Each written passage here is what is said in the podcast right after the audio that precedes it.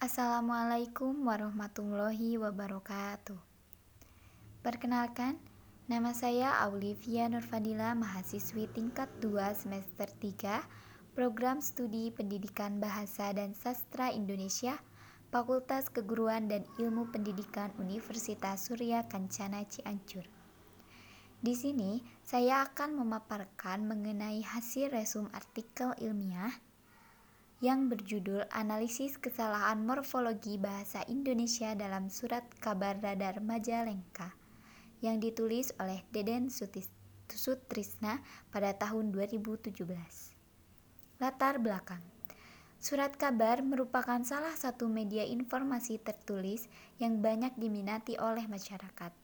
Surat kabar biasanya terdiri dari banyak artikel yang dimuat, Artikel-artikel pada surat kabar biasanya berisi informasi yang berbeda-beda. Adapun tujuan penulisan artikel yaitu penelitian ini adalah mendeskripsikan letak kesalahan berbahasa dari segi kata dan memberikan pembetulan terhadap kesalahan berbahasa tersebut. Adapun metode penelitian adalah sebagai berikut. Metode yang digunakan dalam analisis ini mencakup lima hal. Yang pertama, sasaran dan ancangan penelitian, 2. Data dan sumber data, 3. Metode pengumpulan data, 4. Metode analisis data, dan 5. Metode penyajian hasil analisis data. Adapun hasil dari penelitiannya ialah analisis kesalahan pada artikel masa tanam kedua lebih awal. Berikut ini adalah analisis artikel masa tanam kedua lebih awal yang dibahas di setiap paragraf. Analisis Masa tanam kedua lebih awal pada paragraf ke-1 Sebagian besar areal pesawahan di kawasan daratan rendah baru melaksanakan panen di masa tanam pertama di musim hujan tahun ini.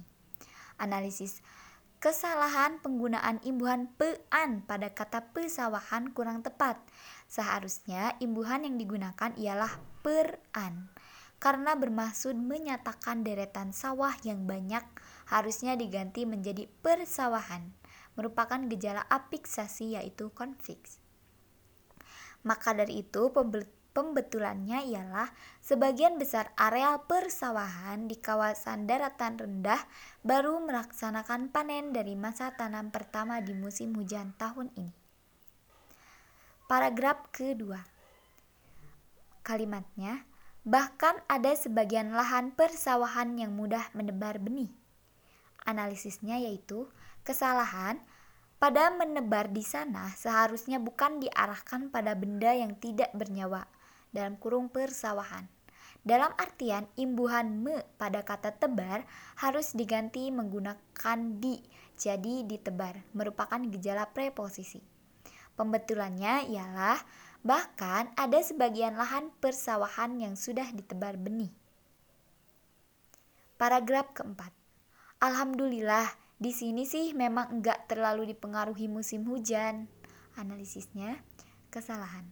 Kata enggak seharusnya diganti dengan kata tidak karena bukan merupakan kata dasar yang baku, tetapi merupakan pemendekan dari kata tidak, merupakan gejala abreviasi. Pembetulan.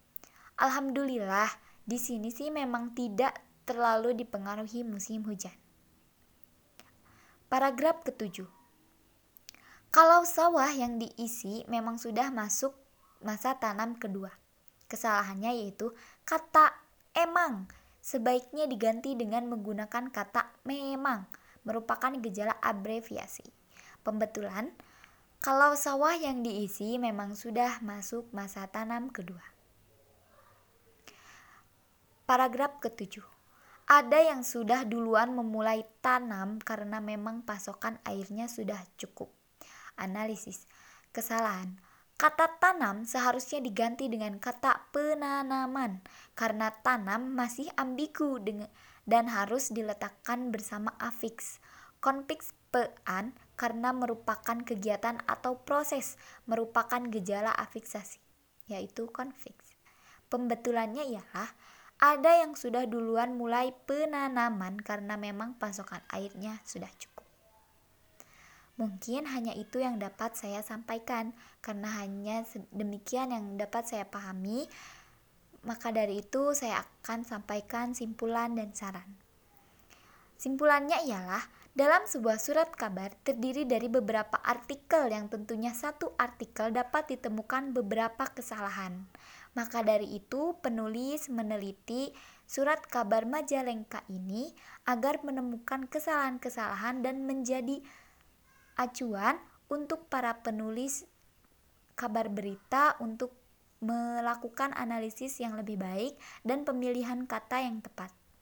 Sarannya ialah penulis berharap penelitian ini memberikan manfaat untuk para penulis kabar berita maupun kepada kita semua selaku pendengar dan pembacanya. Sekian yang dapat saya sampaikan. Mohon maaf apabila ada kesalahan pengucapan kata serta kekurangan dalam penyampaian. Wassalamualaikum warahmatullahi wabarakatuh.